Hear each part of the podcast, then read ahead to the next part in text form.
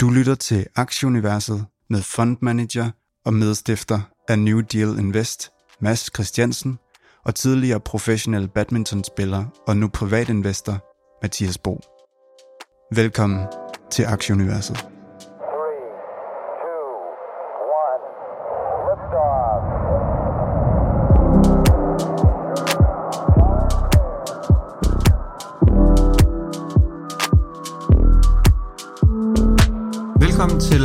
89. 20. udgave af Aktieuniverset. Det er i dag den 6. maj.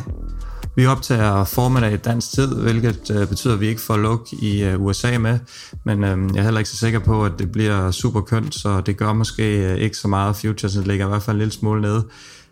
Det er, bare med at, det er bare med at få slukket for skærmen, inden de åbner, og så krybe i flyverskjul, Det- at se, hvad der sker.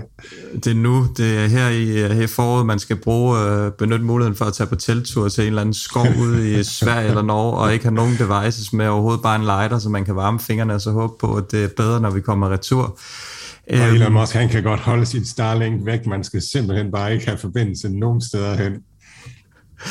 Her i universet, der står den på, øh, på nyheder i dag, og så har vi naturligvis en, en masse regnskaber, blandt andet Spotify, Open Door, øh, Mercado Libre, Kahoot, Airbnb, Block, Cloudflare, øh, Datadog, og så får vi besøg af øh, Jens Peter Treff fra 3Shape, og Mads, skal du ikke lige fortælle, hvad, hvad 3Shape er, og hvad, hvem, hvem Jens er?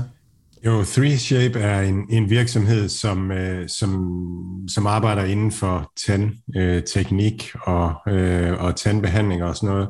Og det er en, en, en, en topmoderne virksomhed, som benytter artificial intelligence til at, øh, til at, at, at gøre tingene på en ny og smartere måde inden for, inden for tænder. Øh, og det er altså ikke sådan, du slipper for at børste tænderne, Mathias, men det er sådan mere i diagnostisering og, og, og lave produkter og sådan nogle ting. Og så fortæller Jens Peter rigtig meget om artificial intelligence og øh, sådan, hvad det kræver og hvordan det foregår og sådan noget. Så jeg lærte helt vildt meget af, at- af at tale med ham. Vi har også en samarbejdspartner, Simor. Øh, der kan man lynhurtigt hoppe ind på simor.dk øh, bestil og bruge øh, aktiekoden aktie, så får man en, øh, en måned gratis content. Øh, så, så hvis man skal have iPad'en med til, øh, til Norge i skoven, så kan man øh, hente lidt øh, content der og, øh, og lure det, men ikke noget med at lure kurserne. Det venter vi med til, til senere.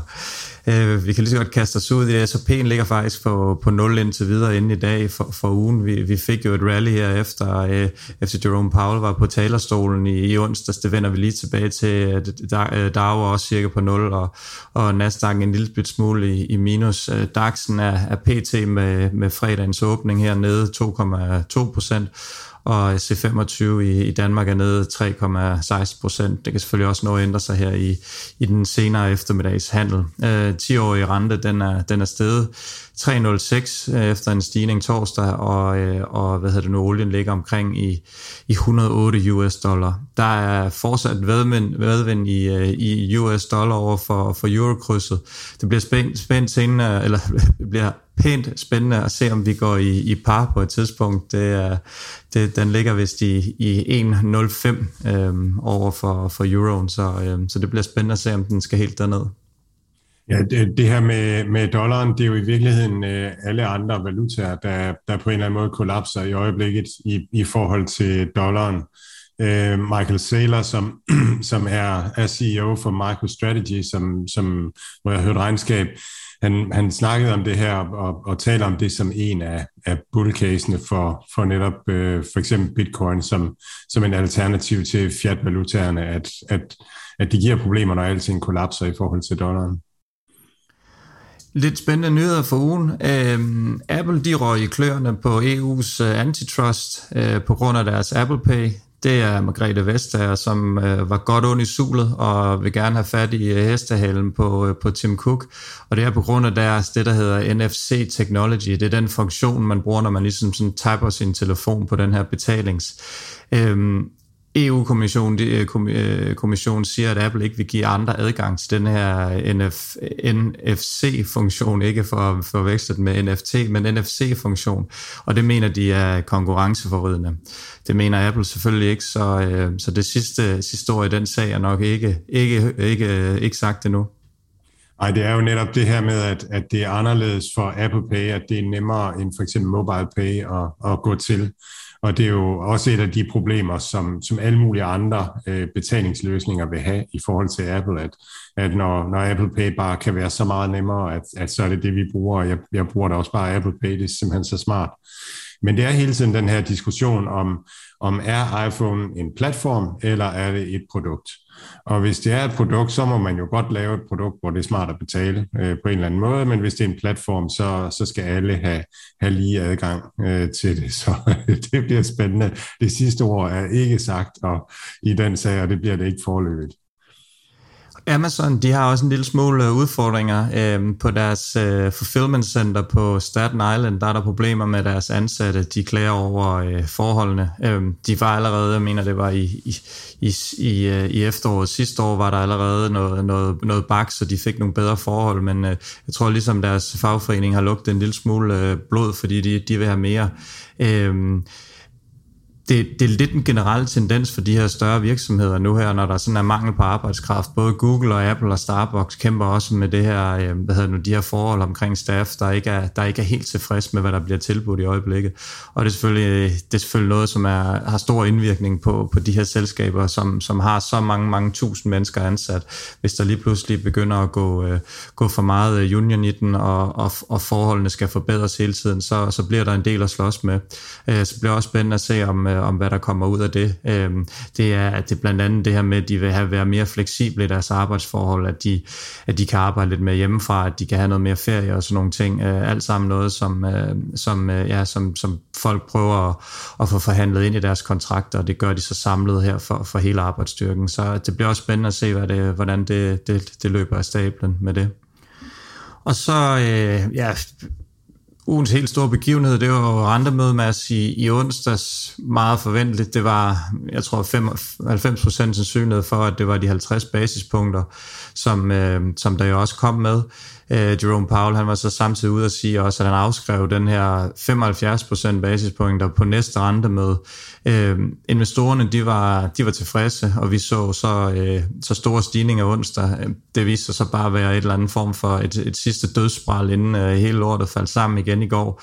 Øh, det, det er en utaknemmelig opgave at være fedt i øjeblikket. Øh, de har måske også kvaret sig lidt, men, øh, men, men i øjeblikket der er det virkelig, virkelig en, en, en dans på, på, den, på den helt wobbly line at bevæge sig det. Øh, investorerne ved ikke rigtigt, hvad de, hvad de leder efter. Fed ved måske et eller andet sted desværre nok heller ikke rigtigt, hvad det er, de leder efter. Så de holder sig sådan lidt, lidt neutralt og prøver at træde, træde meget, meget varsomt. Så, så det er selvfølgelig et meget, meget svært uh, territorie at, at navigere i. Jamen altså, jeg, jeg, jeg, jeg, jeg havde i mit hoved sådan, at jeg tænkte, at uanset hvad, så ville markedet nok starte ned, og så ville det nok øh, blive godt, fordi at, at så fik man på en eller anden måde noget, noget vidsthed og noget tryghed for, for, hvor vi var. Så, så det der, det var egentlig sådan mit hovedscenarie, som, som jeg ville se det komme, og den dag spille sig ud, uanset om det blev øh, 0,5 eller 0,75 øh, øh, procent. Øh, jeg, jeg tror da, at markedet var lettet over, at, at det kun var 0,5, og at, at han, han lød ikke så, så hawkish, som, som han måske havde været, eller som man kunne have frygtet, og sådan nogle ting. Og så falder markedet i går, og som jeg lige kan forstå på det, så var det fordi, at man er bange for, for økonomien øh, fremadrettet. Og det er jo det, som, hvis man er rentetænker, så tænker man, om det er jo det, der kommer til at holde renten nede, at økonomien øh, ikke bliver så stærk, så får vi ikke alle de her øh, rentestigninger. Øh, hvis, hvis, man, hvis man sådan holder fast i det der med, at man skal ikke øh, fight the Fed, øh, at, at, at så, så, så vil en økonomisk nedgang jo være en okay ting, fordi så kunne man godt se ind i, at Fed bliver nødt til at begynde at, at lempe deres øh, øh finanspolitik igen, øh, eller lempe, ja, lave, lave, lave QE, øh, programmer, måske allerede næste år igen, at de bliver nødt til at komme i gang, hvis markedet kaster håndklædet i ringen. Men det, det hjælper jo ikke også særlig meget nu her, når vi har fået tæsk i et år, at, at så Altså det er ligesom om, det er hele tiden sådan, hvad er så den næste grund til, at vi skal have tæsk? Så har det været renter, så har det været, så har det været krigen, og så nu er det så, at, at der kommer en økonomisk nedgang. Men det føles som om pendulet er ved at have svinget øh, meget, meget langt. Øh, jeg sad til, til investorerne i New Deal Invest her og, og lavede sådan en, en øh, den, hver 14. dag har vi sådan et investor call, og og, og så sådan og kigget på, hvad, hvad er prissætningen på nogle af de her aktier og virksomheder, vi kender, og for eksempel Shopify og, øhm, og Unity, de handler sådan lidt billigere, end da de gik på børsen, øhm, henholdsvis for, for to og tre år siden-agtigt. Øhm, men når man så ser på prissætningen, de er jo vokset 30 og 50 procent øh, løbende undervejs, jamen så er, så er prissætningen væsentligt billigere, end da de gik på børsen nu. Så pendul virker bare til, at det svinger meget langt i den ene retning. Nu vil vi se, hvor langt, hvor langt det kan svinge videre. Ja, vi har jo netop det her, som du siger, med, med, både, med både renterne og inflationen, så har vi krigen, og så har vi også det her forsyningskædeproblem i, i Kina med, med omikron. Nu, nu tror jeg lige at læse, fordi vi skulle ellers have været til, til Asia Games. Øh, det, det ligner så, at det bliver postponed øh, fra, det skulle have været i Kina. Så det virker i hvert fald til, at den her nul, nul-tolerance, at de, de fortsætter med den, og det er klart, at jamen altså, hvis du, hvad var det, Christina Borgtrup skrev den anden dag, at de, de isolerede 20 millioner mennesker, fordi der var 50, 50 cases, så alle skulle, skulle testes. Så det er klart, at det har i hvert fald vist med det her, at, at det fik markedet til at crashe en gang, øh, covid-19. Øh, renterne, det har også kunne crashe markedet, og så en, en krig så tæt på, man kan sige, øh, NATO-landene i Europa. Det, det er tre rigtig store events, som kommer lige oven i hinanden. Så det er jo ikke underligt, at vi er i det her, øh, altså, hvor, hvor, hvor folk bare, bare gerne vil ud og, og ind og gemme sig under sengen. Det er jo, det er jo fuldt forståeligt. Og så tænker man også bare bananstat, ikke? Altså når de bliver ved med at, at behandle øh, coronavirus på den måde, og især omikron-varianten. Altså, jeg, jeg tror efterhånden, når vi ser tilbage, der er vel mange, der begynder at være sådan lidt i tvivl om evidensen for, altså for den reaktion, som, som hele verden har haft på, på coronavirus. og nu er der, nu, nu er de fleste i hvert fald enige om, at omikron er ikke farlig, og så, så gør Kina det her, og det, det er, sundhedsfagligt giver det ikke så meget mening. Spørgsmålet er, om det, altså, hvor meningen så er, om det er politisk, eller, eller hvad det er, man, man forsøger at opnå derude. Det er jo tit sådan, at det er godt at have en fjende at kæmpe imod, hvis man, hvis man er et lidt upopulært styre på en eller anden måde. Jeg ved det ikke. Det må tiden vise. Øhm, Mads, jeg synes egentlig bare, at vi skal hoppe, øh, hoppe direkte ned i fondyen, øh, regnskabsfondyen, øh, og, øh, og lad os øh, starte i Norge. Øh, Kahoot, også en, øh, en aktie, der har ligget i den grad underdrejet. Jeg ved ikke, hvad den er i nu. handler omkring 20 norske kroner, eller 25, eller et eller andet op. 20-30 stykker, tror jeg, på toppen, eller et eller andet. Hvordan, øh, hvordan så deres regnskab ud? Ja, men det, jeg synes, det så fint ud. De, øh, deres øh, omsætning vokser 29% eksklusive Clever, øh, og de guider for 30% organisk vækst i år, og så guider de for 38% organisk vækst frem til øh, 2025, og øh, de snakker meget om det her med, at, at de virksomheder, de får på, det lyder som om, at de har OK traction på deres virksomheds onboarding, øh, og de virksomheder, de får på, øh, starter med Kahoot af forskellige årsager, bruger Kahoot på forskellige måder, så der er sådan en mulighed for at øge engagementet rigtig meget med, med de enkelte virksomheder ved at øh, ved at, ja, ved at lære dem at, at bruge platformen noget mere, og lære dem, hvad, hvad platformen kan. Så jeg synes, det virker fornuftigt on track. Den er også, det er blevet taget okay imod, men der, som du var inde på, så er den jo også faldet fra kurs 140-agtigt til kurs 20. Så, øhm, så der, der er rimelig meget øh, katastrofe øh, bagt ind i den, så når de så kommer ud med noget, der virker planmæssigt, så giver det meget ok mening, at, at kursen den, den stabiliseres lidt så må vi se, hvor lang tid det var. Men er det en af dem her, som du overvejer at, at samle op? Det er, ja, altså det, ja, ja, det, er, det, er, jo, det er jo en, en, en fondue, som du siger, af, af, af, af virksomheder, som virkelig, virkelig er, er smadret langt tilbage, og, og det er jo sådan med at se sig omkring, og så kigge på, hvad der er, hvad der virker, som om, at det har størst potentiale, og måske hvad der kommer øh, hurtigst øh, ud af, af starthullerne. Der er, der er, der er to familiekontorer, som har samlet Kahoot op, og det, det, det giver mig sådan bare indtryk af, at, at den er sådan ved at komme lidt på, øh, på, på, på internationale investorers øh, radar og, og sådan nogle ting. Så for mig er det lige så meget med, hvordan ser, hvordan ser omverdenen øh, det her, de her investeringsmuligheder. Jeg har lige kigget lidt på Airbnb. De, øh, de leverede faktisk et rigtig pænt regnskab. Stadigvæk en lille, lille tab per aktie, men de er meget, meget tæt på, øh, på break-even og, og giver overskud nu her. Øhm, det var specielt det nordamerikanske marked øh, med, med særdeleshed USA, som så rigtig stærke ud øh, her i, i antal brugere og antal overnattende gæster i Q1. Og deres guidance for, for Q2, som vi er i gang med her, er også en lille smule bedre end, end det det er jo, det er jo igen at åbner verden op, og den her måde at, at, at bo på øh, og, at, og, rejse rundt. Mange foretrækker Airbnb nu, frem for, frem for de klassiske hoteller, fordi folk føler, at det er en lidt mere autentisk opgave, og man, man ligesom kommer ind i et. Så det er helt klart noget, som, som i min verden også giver, giver super god mening, når man er, når man er afsted.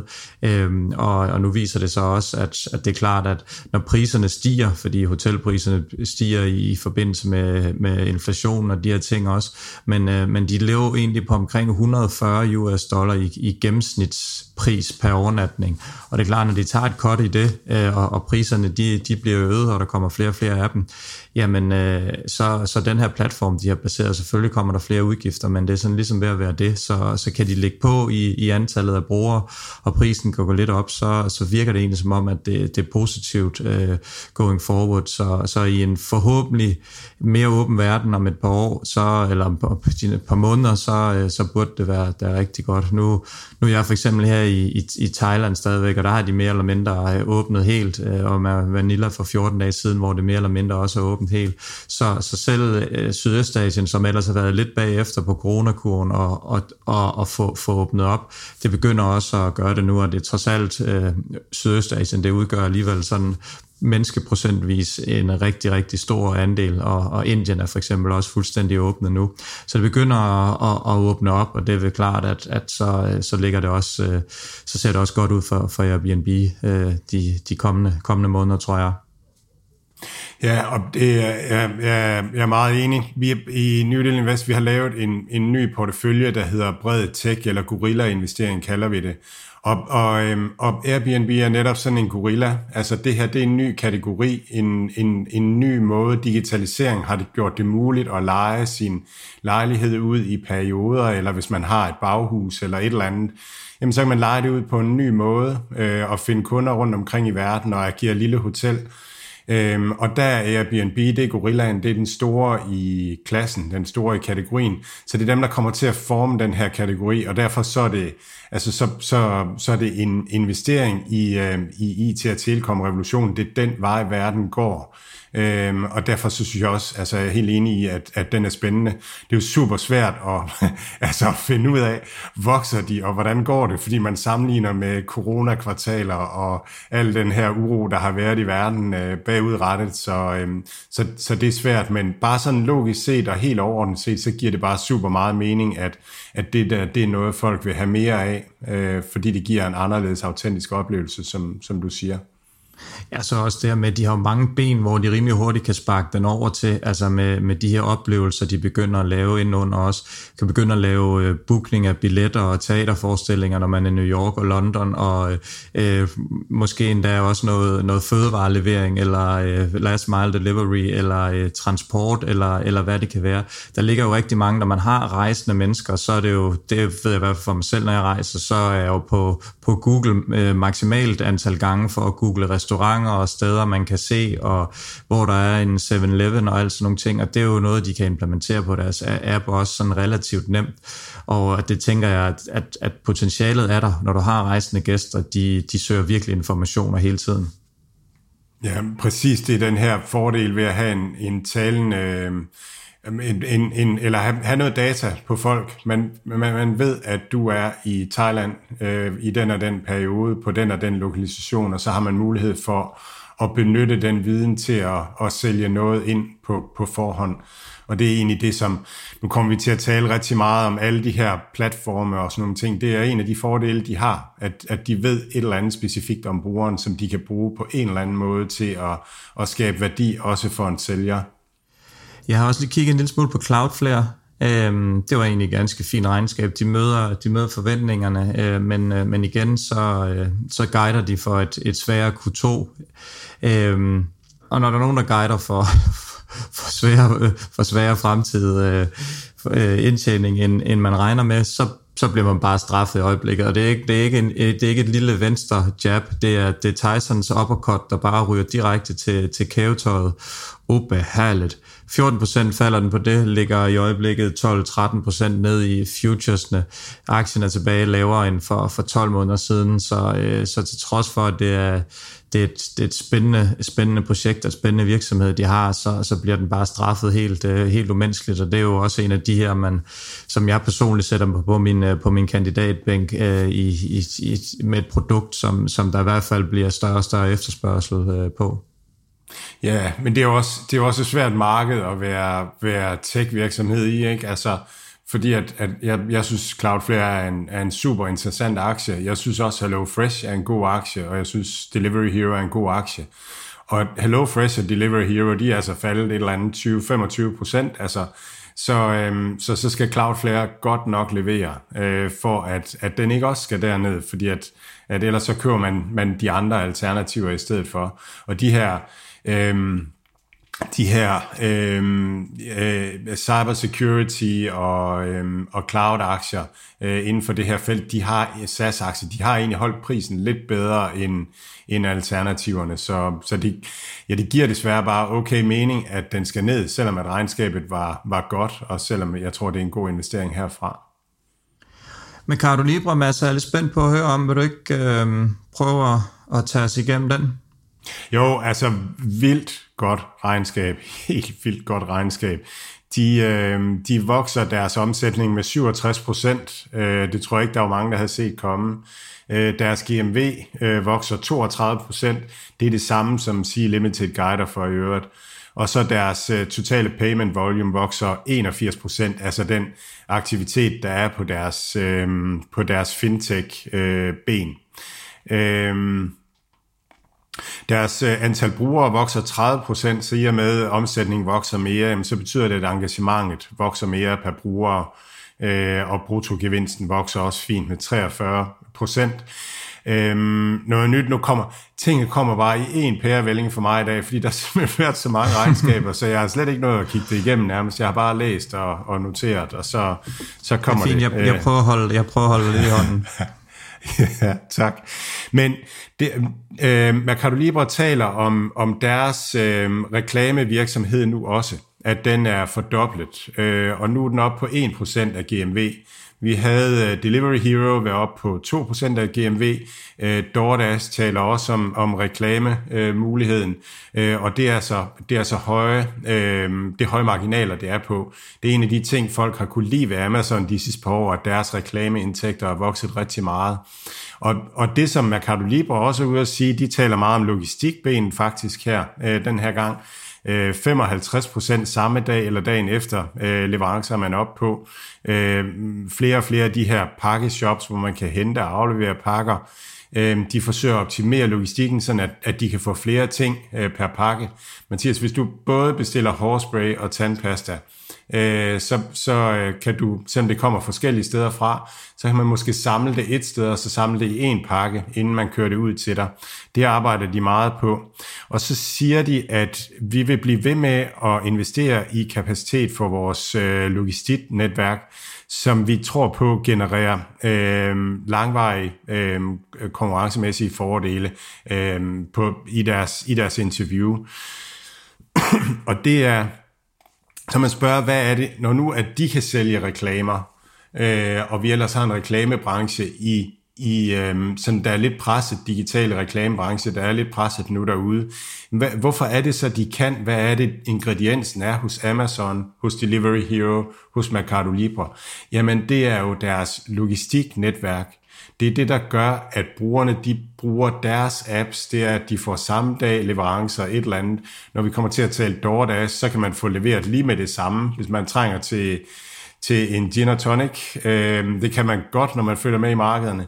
Øh, så, øh, så kan man bestille det via DoorDash, og så er der en, der henter det nede i butikken og kører det hjem til en. Øhm, og det betyder, at man er inde på appen, øh, og man bruger appen, fordi at, at de har et logistiknetværk. Så det, det, det er den, øh, den måde, de begynder at monetarisere de her øh, logistiknetværk. Og så tror jeg bare, man skal lytte til som investor, at der er så mange af de her operatører, der virkelig bare pløjer penge i logistik i øjeblikket, øh, for at sikre sig det. Vi kommer også til Shopify, som også øh, har købt, øh, været ude at købe, øh, altså lave M&A og, og købe op for at få øh, gjort deres øh, logistikben bedre. Øhm, ja, så, øhm, ja, så, så, så alt i alt, ja, og lige for at gøre det der logistik færdigt, Mercado Libre, de leverer altså, at at man kan sidde derhjemme, og så kan man handle, og så får man leveret gratis dagen efter, eller samme dag, alle de her varer, man har. Og det er jo egentlig hele, hele den her handelsoplevelse, der bliver ændret. Da vi, da vi startede med e-handel de sidste 10 år, så har man taget butikken på nettet, og så har man brugt postvæsenet. Øh, men nu begynder det at ændre sig, sådan at butikken bliver mindre og mindre relevant. Altså det er bare, det er bare appen, og så kommer varerne øh, hjem til os næste dag. Det er ikke et alternativ, men det begynder at blive det, vi gør. Og det, det tror jeg er, er det store tema her. Og, og jeg synes, at, at alle de her virksomheder har egentlig klaret sig rigtig, rigtig godt. Øhm, øhm, ja, jeg kommer, jeg kommer lidt mere tilbage til det. Men, men det var Mercado Libre, og øhm, Ja, altså det, hvad er det et år siden, at den begyndte at falde, der var den, jeg, jeg tror lige, den var oppe rundt kurs 2.000, nu fås den til, til 1.000 øh, dollars, og de er vokset, øh, de er vokset øh, 70 procent siden. Så, øh, så prisen er jo, er, jo, er jo noget, der ligner en fjerdedel efterhånden af, hvad, hvad den var på, på toppunktet, hvis man måler på, på omsætning og indtjening og alle sådan nogle ting den falder 10% i går, og så eftermarkedet her med regnskabet ligner den sådan op i oppe 5%, 9,55 US dollar kan man endda få den til, og, og inden regnskabet her er 9,13. Så øh, ja, det er jo også en af, af de der aktier, som, som når det begynder at køre den anden vej, så, så kommer den også til at køre, køre stærkt op det, er der ingen, uh, ingen tvivl om. Mads, skal vi kigge lidt på, øh, på Block, og øh, også kaldet Square? Øhm, de kommer med egentlig med en, med en fin forecast for, for Q2 her. Deres bitcoin-del skuffer en del, men det er jo også forventet i og med, at, at bitcoin er nede. Øhm, deres Cash App var måske, øh, det, det produkt, jeg har, der hedder Cash App, var måske egentlig det, der, der skuffede sådan en lille smule, så man skal kigge på, på noget med det bedre, men ellers sådan generelt... Øh, flot regnskab. De har jo sådan fem produkter. De har Weebly, så har de Tidal, de har Afterpay, de har Cashpay, og så har de så Square. Øhm, så det er sådan, at de, de formår egentlig at, at have købt noget op hele tiden og, og blande sig og er absolut en af de her online betalings øh, bedste, bedste bud på, på, på det inden for, for, for det segment. Øh, men altså ja, der, de, de, bliver også, de bliver også straffet for, for det her regnskab her, øh, til trods for, at, at de egentlig guider okay. Øh, hvad, hvad tænker du om det her regnskab? Det var vel egentlig sådan ganske udmærket, eller hvordan ser du det? Ja, det, det var et fint regnskab. Altså, de, øh, de, de, deres bruttogevinst er op 25 procent, hvis man fraregner uh, afterpay. Øhm, og, øhm, og deres, øhm, Øh, det, det sælgerne øh, på deres, øh, deres netværk øh, sælger, det er op 16 procent. Så der er fin vækst i det, altså det her, som markedet havde frygtet med, at, at e-commerce ville, ville falde og være svagt i, øh, i det her kvartal og i næste kvartal. Det ser vi, øh, men, men, øh, men det er stadigvæk øh, godkendt og, og vokse så meget her.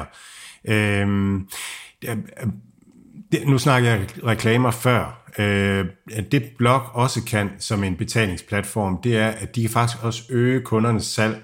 Og det er også det, vi hører øh, Adyen, øh, den hollandske betalingsløsningsprovider, øh, snakke om, at, at man kan henvise potentielle kunder øh, til sælgerne øh, fordi man kender kundernes adfærd og ved, hvad de har, øh, har købt tidligere og har en idé om, hvad de har brug for, og hvad de eventuelt kunne være interesseret i, jamen så kan man skabe leads til, til sælgerne.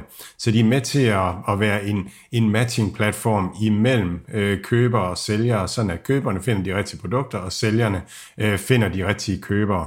Og det er altså, det er altså datamåden at skabe værdi på.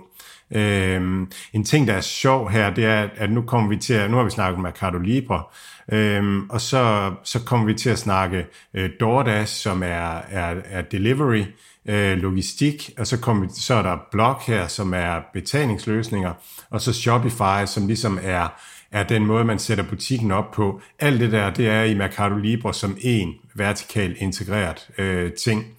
Øhm, og det interessante der er igen, at de investerer rigtig meget i logistik. De tjener rigtig mange penge på, på, på payments, øh, på deres øh, Mercado Libre tjener mange penge der. Så, så det er det Block og, og Shopify og, og DoorDash er i gang med at bygge bare hver for sig, ikke vertikalt integreret som, som Mercado Libre. Så jeg synes, verden bevæger sig i den her vej, og det, det, det, ser, det ser lovende ud. Øhm, og, og Block er jo også øh, komme godt ned i, i pris øh, i forhold til, hvor den har været. Så en spændende ting med, med Block, synes jeg, det er, at de har, de har integreret det her Lightning Network, øh, som, som gør, at man kan betale med Bitcoin. Bitcoin er jo en enorm langsom protokol, og kan derfor ikke rigtig bruges som betalingssystem.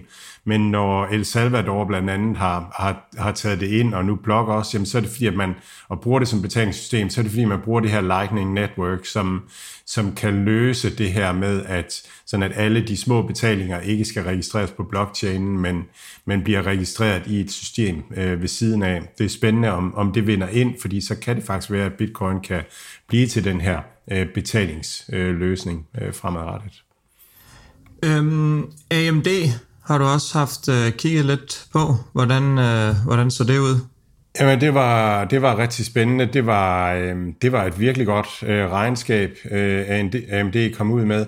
Øh, AMD er jo den her øh, chip, øh, chip designer og, øh, og, og, og, og øh, både, øh, øh, både CPU og, og GPU øh, øh, designer, og, og, og det der egentlig var, var super stærkt, de vokser, jeg, jeg kan ikke lige finde notaterne nu, men de vokser de der 60 øh, procent, 70 procent-agtigt, øh, og faktisk nu øh, ligger de højere end, øh, end, øh, end Intel i, øh, i indtjeningsmarginaler, øh, det tyder på, at de er mere konkurrencedygtige, at de kan tage, tage højere priser for deres chips.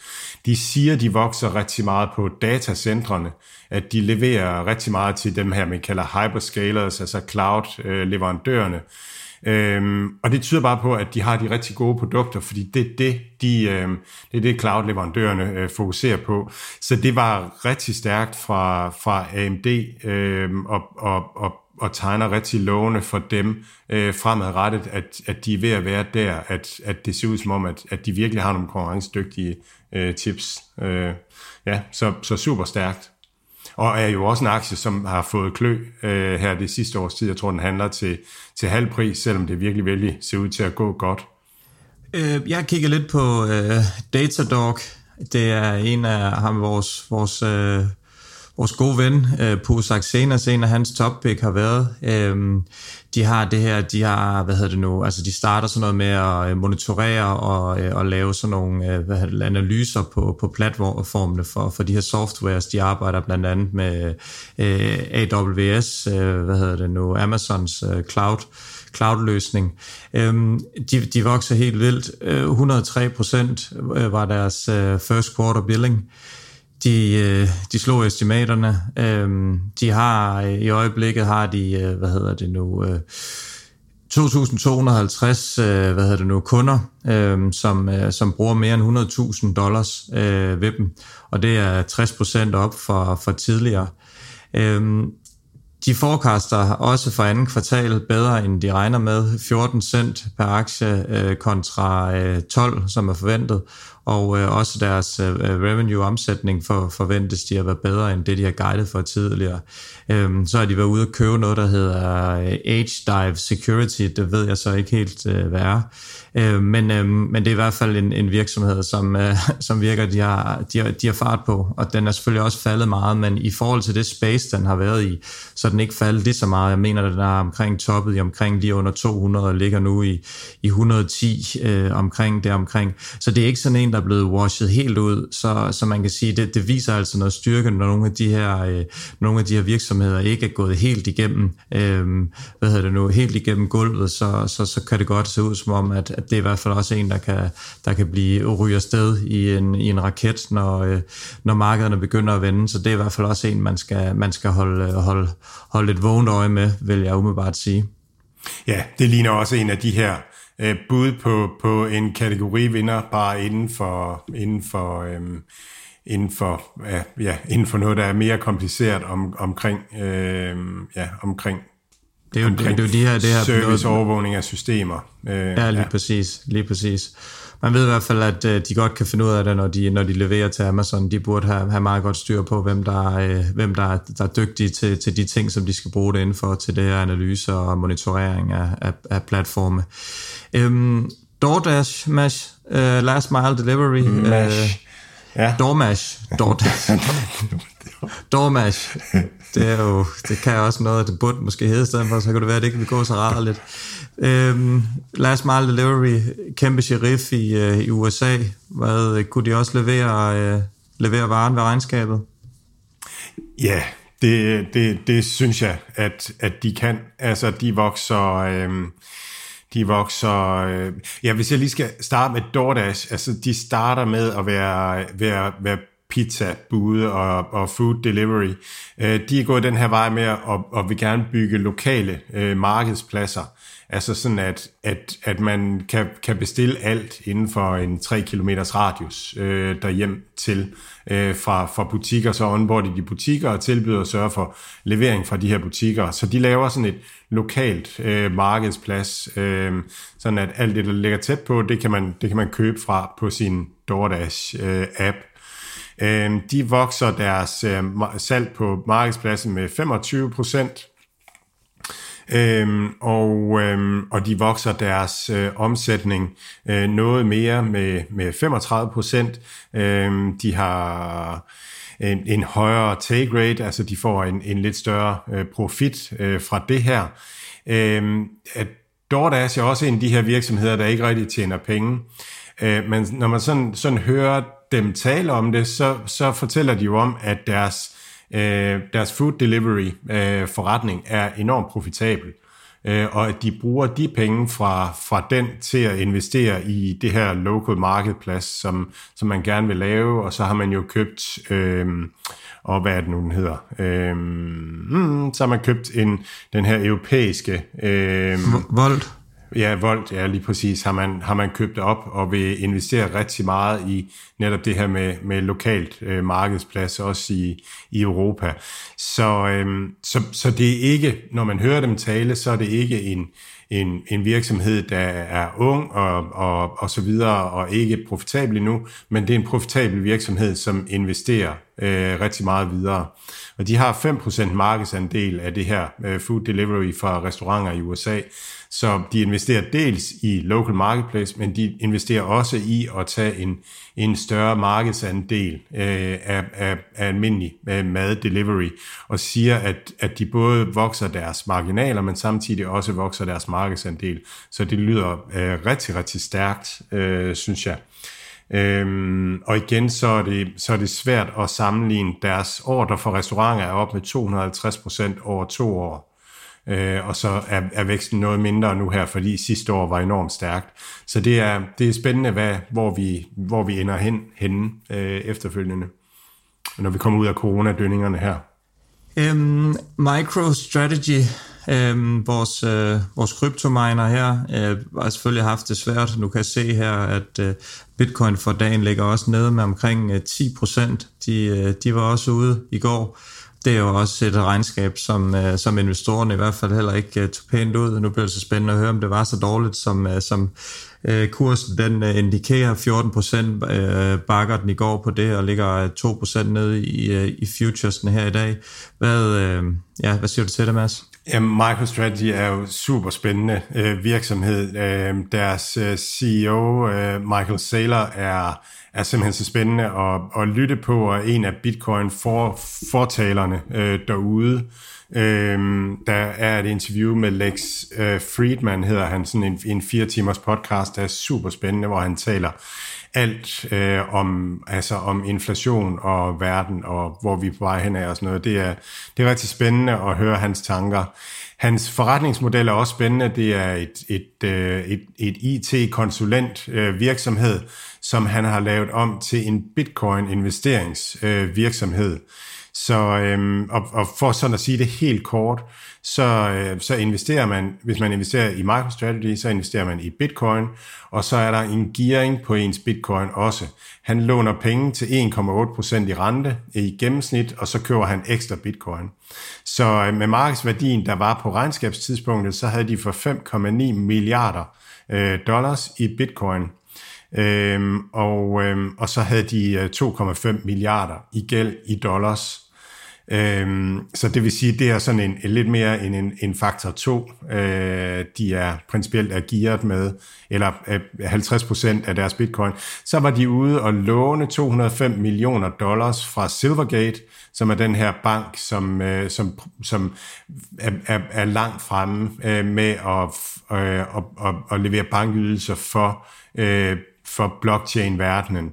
Øhm, og, øhm, og, og som sikkerhed, der stillede de så øhm, øh, fire, fire gange så mange, øh, så meget værdi i bitcoin, så de stillede bitcoin som sikkerhed for et dollarlån. Øh, og så er, der nogle, så er der nogle vilkår der, øh, blandt andet, at, at de skal hele tiden stille mere end 50% i sikkerhed i, i bitcoin øh, for det her dollarlån. Men det er, sådan, det er ret specielt. Det er det første store lån, der er givet med, med bitcoin som, øh, som, som collateral, som, som sikkerhed. Øhm, ja, men en, en, en spændende og simpel måde at investere i bitcoin, det er at købe MicroStrategy. Man skal bare være opmærksom på, at, at hvis bitcoin-kursen falder 50%, så, så er der ikke så meget øh, tilbage i, øh, i virksomheden øh, sådan i, i indre værdi, så det er, det er temmelig hårdt gearet, og jeg er bare så imponeret over, at, at, at han tør og at han, at han jonglerer med, med så store tal. Men han taler super godt for, øh, for, for Bitcoin, og for at, at det kommer til at blive til noget, forklare os om det her Lightning uh, Network blandt andet, uh, og sådan nogle ting. Så spændende. Tider.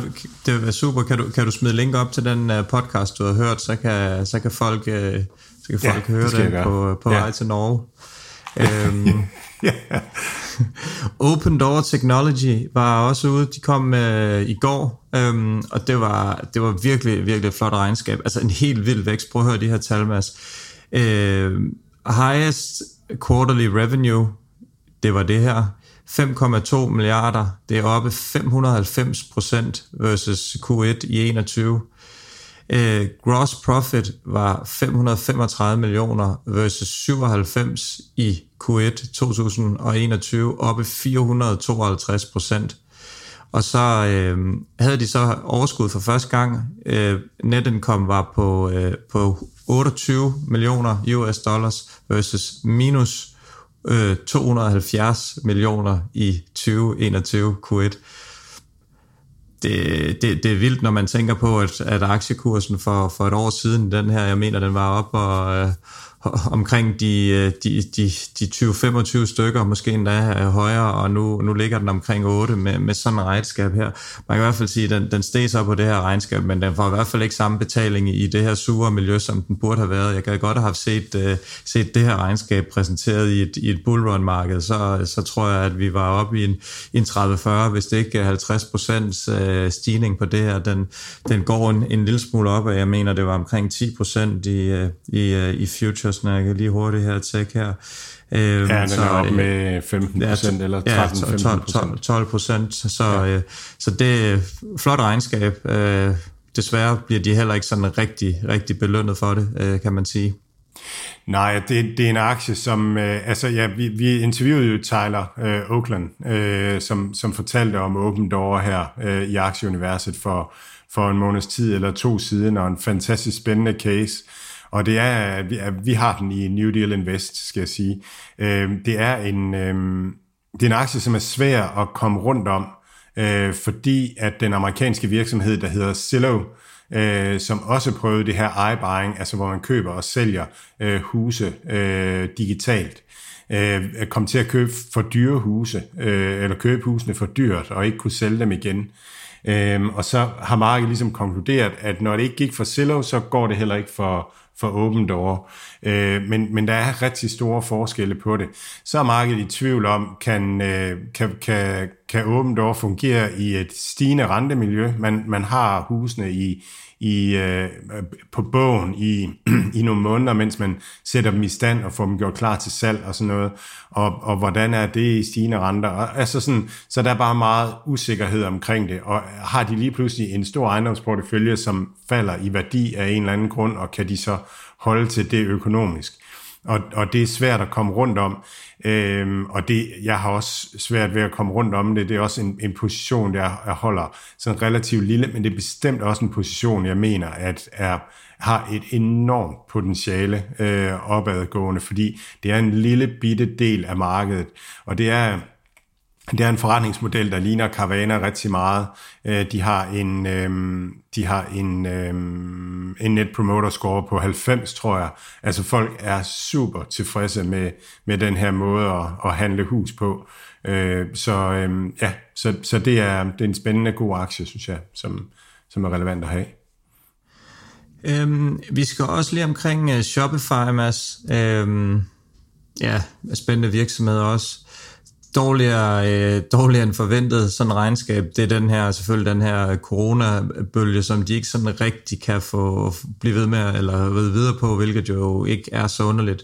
Øh, deres guidance for, for igangværende kvartal er også, er også dårligere, end, end hvad de regner med. 5% nede på det her regnskab igen, 70% for, for året, virkelig, virkelig en, som har, som har taget vand ind. Øh, den ligger også på, på Pus Axenas øh, liste over, over aktier, han ejer. Han må se et eller andet i den, øh, men, øh, men aktien den er, den er også skudt helt tilbage nu, og, og de kan selvfølgelig ikke levere, og som vi har nævnt det mange gange, når du ikke tjener penge, og når du, øh, når du, når du caster for, øh, forecaster for, for lavere end, end forventet, så, øh, så, så kommer Tysons øh, den der op og korten, jeg kan huske, han, han leverede på en på, på en, en fuldstændig fænomenal måde, så, så kommer den bare til de her selskaber. Så, øh, så køn var det ikke, men øh, ja, det var vel meget forventeligt i at for sig, så, øh, så, så helt, helt galt var det vel heller ikke. Nej, de, de, de taber nogle penge på, de har en investering i noget, der hedder Global E, og så, øh, og så Affirm, øh, som er den her bare en letter platform, som, som jo bare har fået Lester i klø, og, og, og det trækker det trækker nogle af tallene ned. Når man sådan går det efter, jamen, så er de vokset øh, 51 procent øh, årligt siden 2020 øh, i deres øh, GMV. Øh, og, øh, og det, det tal, der hedder Merchant Solutions, det er op med 29 procent. Det er den omsætning, man har fra øh, fra, fra kunderne, altså fra sælgerne. Øh, så det ser egentlig fint ud. Det er et udtryk for, at man, at man sælger mere til de eksisterende øh, butikker. Øhm, og så har man godt vind i, i sejlene på sin egen betalingsløsning. Øhm, der er man op med 27 procent. Øhm, og, øh, og man er også begyndt at, at have offline øh, salg, øh, fuldstændig ligesom Mercado Libre. Øh, så har man været ude at købe øh, den virksomhed, der hedder Deliver, øh, for 2,1 milliarder øh, dollars. Og, og igen, hallo, her marked, det er igen en, en e-handelsvirksomhed, som investerer stort i logistik, øhm, så, så der kommer en eller, anden, en eller anden form for indtjening på det. Øh, markedet er bekymret på grund af, af, af det her køb med øhm, Buy with Prime, altså at om Amazon begynder at, at levere det samme, som Shopify gør. Men, men, øhm, men Shopify er løsningen, hvis man gerne vil lave en butik. Øh, og Shopify siger, at de kommer til at arbejde sammen med Amazon omkring det her. Det er fint, hvis de butikker som bruger Shopify som løsning for, for mange af tingene øh, med at lave hjemmeside og, og så videre, hvis de så bruger øh, Amazon øh, som logistikløsning, det er, det er okay. Men man går også i gang med at, at bygge sit eget. Ja, jeg, jeg synes Shopify er, er virker attraktiv prismæssigt her, hvor den, hvor den er nu. Men jeg har det også sådan, at, at det gør mig lidt utryg, at, at Amazon er gorillaen øh, i USA, og at det er Amazon, der, der sidder på det. Så det strider lidt imod det, jeg sådan, er, synes er grundskolen inden for digitalt, det er, at man skal, man skal købe gorillaen, og så skal man lade de andre være, og der er Amazon bare øh, gorillaen. Men, men Shopify virker også som en, altså som en, en stor øh, virksomhed, som, som kan, kan konkurrere, og så Shopify også godt med uden for USA, hvor, hvor Amazon øh, er lidt dårligere med. Øh, så ja, lidt, lidt for imod, men, men jeg synes ikke, regnskabet var så ringe endda. Men altså, du kan også sige med Amazon, øh, hvis du køber, køber øh, Gorillaen, 33 procent er nede øh, i, i seks måneder med netop med, med tunge investeringer i, i det her i det her supply chain, som vi, som, vi, øh, som, som vi har haft problemer med, og så deres centre og bygge det her logistiknetværk, hvor de, hvor de bygger, når det først er op og kører, så er det noget, som kommer til at tjene dem ekstremt mange penge og slå, slå stort set alt andet. Og så som du siger, jamen, hvem skal man satse på? Skal man tage den store, eller skal man håbe på, at, at man tager den mindre, som kan komme ind og gøre noget? Man kunne måske gøre begge dele. Øh, det er klart, at, at det er jo det mest sikre bet er at, at tage Amazon, fordi de også har nogle andre ting, som, øh, som de kan redde penge ind. Og når de skovler penge ind, øh, ikke sidste kvartal, men, men ellers, jamen så giver det dem nogle, nogle stordriftsfordele, og de kan også investere i nogle af de her andre. Øh, jeg ved ikke, om, om, om konkurrencemyndighederne vil tillade et, et køb af nogle af, af de her. Det skal selvfølgelig nok gå igennem med en tæppekamp, men, men, øh, men altså... Øh, det er bare svært ikke at se, at Amazon ikke også er, er, er, et, er et fornuftigt køb omkring det her, og så som du siger, så er det, så er det jo ens temperament, om man, øh, man bedst kan lide øh, moren eller datteren. Øh, det, det kan jo så være, være op til en selv. Men der er i hvert fald, de er i hvert fald begge to på dansegulvet, hvis man kan, hvis man kan blive den, i den verden. Ja, de er jo på dansegulvet hele tiden. Altså, det er bare, de er bare ikke sjove at danse med i øjeblikket. Nej, det er de ikke. Tung, tung med dammer. Nå, det må være moren øhm, så. Mads, øh, jeg tror egentlig, det var, det var lige sådan bare det regnskaber, vi havde, vi havde med. Øh, så jeg synes, vi skal komme over til, til Jens Peter og snakke lidt om, øh, om 3Shape.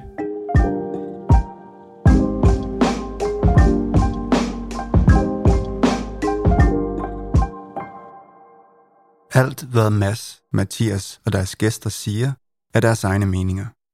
Det er ikke finansiel rådgivning. Denne podcast er udelukkende ment som information og skal ikke bruges til at lave beslutninger om investeringer. Mads, Mathias og kunder i New Deal Invest kan have positioner i de virksomheder, der tales om i podcasten. Så vil jeg godt byde velkommen til Jens Peter Træf fra uh, Three Shapes, og, og Jens Peter han skal fortælle os om om noget så spændende som, øh, som tandbehandlinger. Øh, så det glæder vi os rigtig meget til. Øh, velkommen, Jens Peter. Jamen, tusind tak. Tusind tak. Det er altid sjovt at få lov til at udbrede sig lidt om øh, tand, tandens, eller det, tandens verden og så videre. ja, lige præcis. Og det er jo det rette sted at fortælle om tænder her. Det, det du også ved, øh, ved noget om, øh, Jens Peter, som jeg glæder mig rigtig meget til at høre om, og øh, hvor jeg allerede har lært meget af dig, det er, det er omkring artificial intelligence, øh, og det vi kommer til at høre noget om, det er, hvordan at, at man rent faktisk er begyndt at bruge øh, artificial intelligence inden for, øh, for tandteknik, og efterhånden også inden for tandbehandling. Men øh, kunne du ikke øh, starte med at fortælle øh, om digitalisering af tandteknik og tandbehandlinger, og så med, med udgangspunkt i øh, Three Shape og Three Shapes rejse? Jo, men det vil jeg rigtig gerne. Øh, FreeShape er jo en, øh, en dansk virksomhed, der blev øh, startet tilbage for snart 20 år siden, mere end 20 år siden, af en, to studerende, en for DTU og en for CBS. De to de gik sammen, og så lavede de, øh, de lavede en, en scanner, der kunne ja, scanne et, en afstøbning og så få en digital model. Til at starte med var det høreapparater. det gik egentlig meget godt, men i 2005 der fandt man så ud af, at, at hvorfor ikke gå ind på markedet for tænder, som er markant større. før det her, der var det sådan, så at øh, man havde de her tandlaboratorier, så når hvis du kommer ned hos tandlægen og skal have lavet en ny tand, så øh, får du taget, en, øh, får taget sådan en slags gipsafstøbning. Den gipsafstøbning bliver så øh, sendt til øh, et tandlægelaboratorium, hvor der så sidder nogle øh, meget dygtige håndværkere, der ser, okay, sådan her ser, har vi en afstøbning af masses tænder.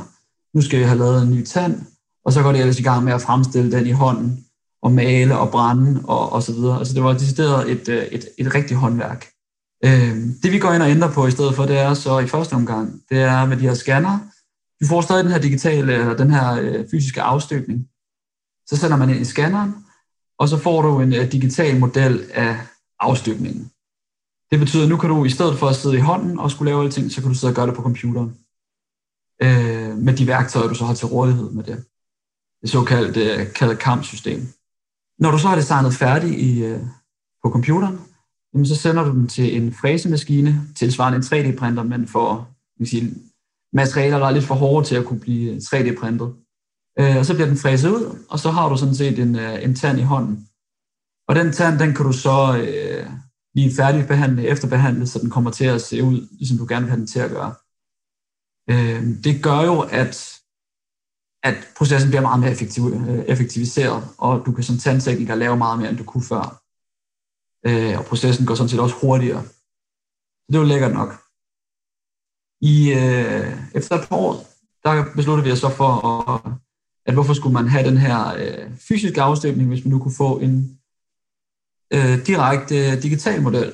Øh, altså man, hvis man kunne scanne tænderne, uden først at have lavet en fysisk afstøbning. Så vi ja. udviklede den her, øh, det man kalder en intraoral scanner, som er en øh, scanner, som... Nu, nu kan jeg jo sådan lige oversætte her. Altså oral, det, er, det betyder mund. ja, ja. um, og intra, det, det er indeni, så, så det er som en lægelatin, det er ret simpelt, når man kender ordene. Yes, yes. yes. Øh, men så, det gør, at, øh, at du ved, når du kommer ned hos øh, tandlægen, jamen så i stedet for, at du får det her relativt behagelige øh, modellervoks ind i munden for at få taget afstøbningen, så kommer man i stedet for at scanne munden, øh, og så får man faktisk direkte en, øh, en 3D-afstøbning af dine tænder. Og øh, den model er jo så blevet udviklet lidt i løbet af et par år. Så øh, specielt havde vi nogle matematikere, der sad og rodet med det for, for en 7-8 år siden. Og de matematikere, altså det er jo nogle fantastiske mennesker, sådan nogle matematikere. De her fik speedet den så voldsomt op, så vi fik det, vi kaldte for insane mode. Fordi du kan tage en, øh, en afstøbning på under sekunder. Hvis du er rigtig hurtig, så kan du gøre det øh, 10 sekunder på hver kæb. Men, men, men det er også de exceptionelle eksperter, der gør det, der ikke laver andet end at scanne. Så de kan så de kan altså sådan øh, så kan man så kan man så er der det der hul i tand, eller der er en tand der mangler, fordi tandlægen han har været godt i gang i i 20 minutter og så videre og, og så er der sådan et et hul og så scanner man og så og så kan man ved, ved hjælp af så kan de der matematikere forudsige hvordan den pæneste potentielle tand den den ser ud altså er det... Ja, nu nu nu øh, foregriber du begivenhedens gang. det kommer senere. Øh, fordi det er første gang, så får vi en 3D-afstøbning, så, så vi får en, øh, en model af alle tænderne. Øh, ja. Så vi har en, øh, ja, en 3D-model. Det, øh, og det behøver jo ikke være, fordi du mangler en tand. Det kan også bare, hvis du skal have lavet en bøjlebehandling eller, eller tilsvarende. Men lad os tage udgangspunkt i det eksempel, hvor du manglede den her tand her. Fordi som du siger, så er der så et hul. Øh, og det er så der, hvor at, øh, matematikerne de spiller bolden over til softwarefolkene og folk, der arbejder med kunstig intelligens. Så øh, et af de projekter, vi har arbejdet på øh, de sidste par år, det er at lave den her øh, øh, kunstige krone øh, automatisk, altså AI crown. Så det er for eksempel, som du beskrev før, jamen du har det her hul i tanden, omgivelsen ser sådan her ud, din øh, modstående kæbe, den ser sådan her ud, øh, du er lidt nedslidt, det vil sige, øh, din tand, den skal nok se cirka sådan her ud. -agtigt. Og så kommer algoritmen med det her forslag, og så er det så op til, øh, til tandlægen lige at sige, ja, det var præcis det, vi skulle bruge. Eller, ja, den, den skal lige pusses lidt. Øh, den skal lige justeres lidt. Øh, og så videre. Øh, og hvordan man løser det problem, jamen, men det er, har været forsøgt med mange forskellige algoritmer, før øh, vi så besluttede os for at afprøve at køre deep learning og AI på problemer. Og efter vi gjorde det, jamen der har vi opnået øh, ekstremt gode resultater. Altså vi har skåret cirka 80% af, af arbejdstiden for tandlæger væk. Kunne du ikke lige fortælle AI og machine learning og algoritmer, og sådan, altså, øh, måske med udgangspunkt i det her eksempel, hvad, hvordan er den der arbejdsproces, hvad, hvordan lærer computeren eller, eller algoritmen, og, og hvordan forudsiger den? Jo, jamen altså sådan helt, øh, helt grundlæggende, sådan, hvis vi skal det helt ind til benet, så, så den metode, vi bruger, noget, der hedder superviseret læring, det vil sige, at øh, vi øh, oplærer netværket ved, at vi viser den, her er en kæbe, nu skal du forsøge at lave en tand. Og i første forsøg, så kommer der og laver et eller andet tand, der måske ligner mere et stykke tyggegummi eller sådan et eller andet. Du er ikke. Ja, men, men det vil så gøre, i stedet for bare at sige, ah, ah, du er ikke, så viser vi den, okay, det var dit bud, sådan her skulle tanden have set ud. Øh, og så viser vi den, hvordan øh, en tandtekniker ville have designet den i den her situation. Så ved hjælp af nogle matematiske algoritmer, så øh, får vi så øh, givet det her feedback-signal tilbage igennem det her øh, neurale netværk, øh, den her algoritme. Og så det, det den gør konkret, det er, at den justerer på en, på en masse små vægte, altså de her neuroner, hvor meget de hver især betyder. Så prøver den så igen, og så er den måske blevet lidt bedre. Nu er det måske tyggegummi 90% af tiden, og så 10% af det er måske godt. Så får den ros. Det samme igen. Øh, og så hver gang du gør det, jamen så i princippet jo bedre bliver den indtil du rammer en eller anden form for asymptotisk grænse for, hvor god den kan, kan blive med, med, med den algoritme og det data, du har. Øhm, og sådan en træningsproces, den kan jo godt tage, tage noget tid. Altså, øh, afhængig af hvilke hardware du har og sådan noget, jamen, så kan det jo tage alt fra et par timer til flere måneder at træne sådan en algoritme. Jeg kunne godt lige tænke mig at høre, sådan, så du fortalte mig noget om, at man, at man, også, altså, at man også kan rette tænder til, og at man kan bruge det til sådan at, at give, give, øhm, give, give nogle demoer af, hvis man laver den og den bøjlebehandling, eller sådan et eller andet. At så, kan du ikke fortælle, hvor, hvor, hvor er det her på vej hen? Hvad er fremtiden inden for, for, for den her type tandteknik, tandbehandling og, og de her scannere og sådan noget, og AI? Jo, jo, jamen, altså, det er jo et super spændende område. Øh, vi har jo et, en drøm om, at vi på et eller andet tidspunkt får det, vi kalder every patient, every time. Altså hver gang du kommer til tandlægen, så er det første, der sker, det er, at efter han måske har renset dine tænder, det er, at han tager den her scanner, og så får han lige scannet, hvordan dine tænder ser ud.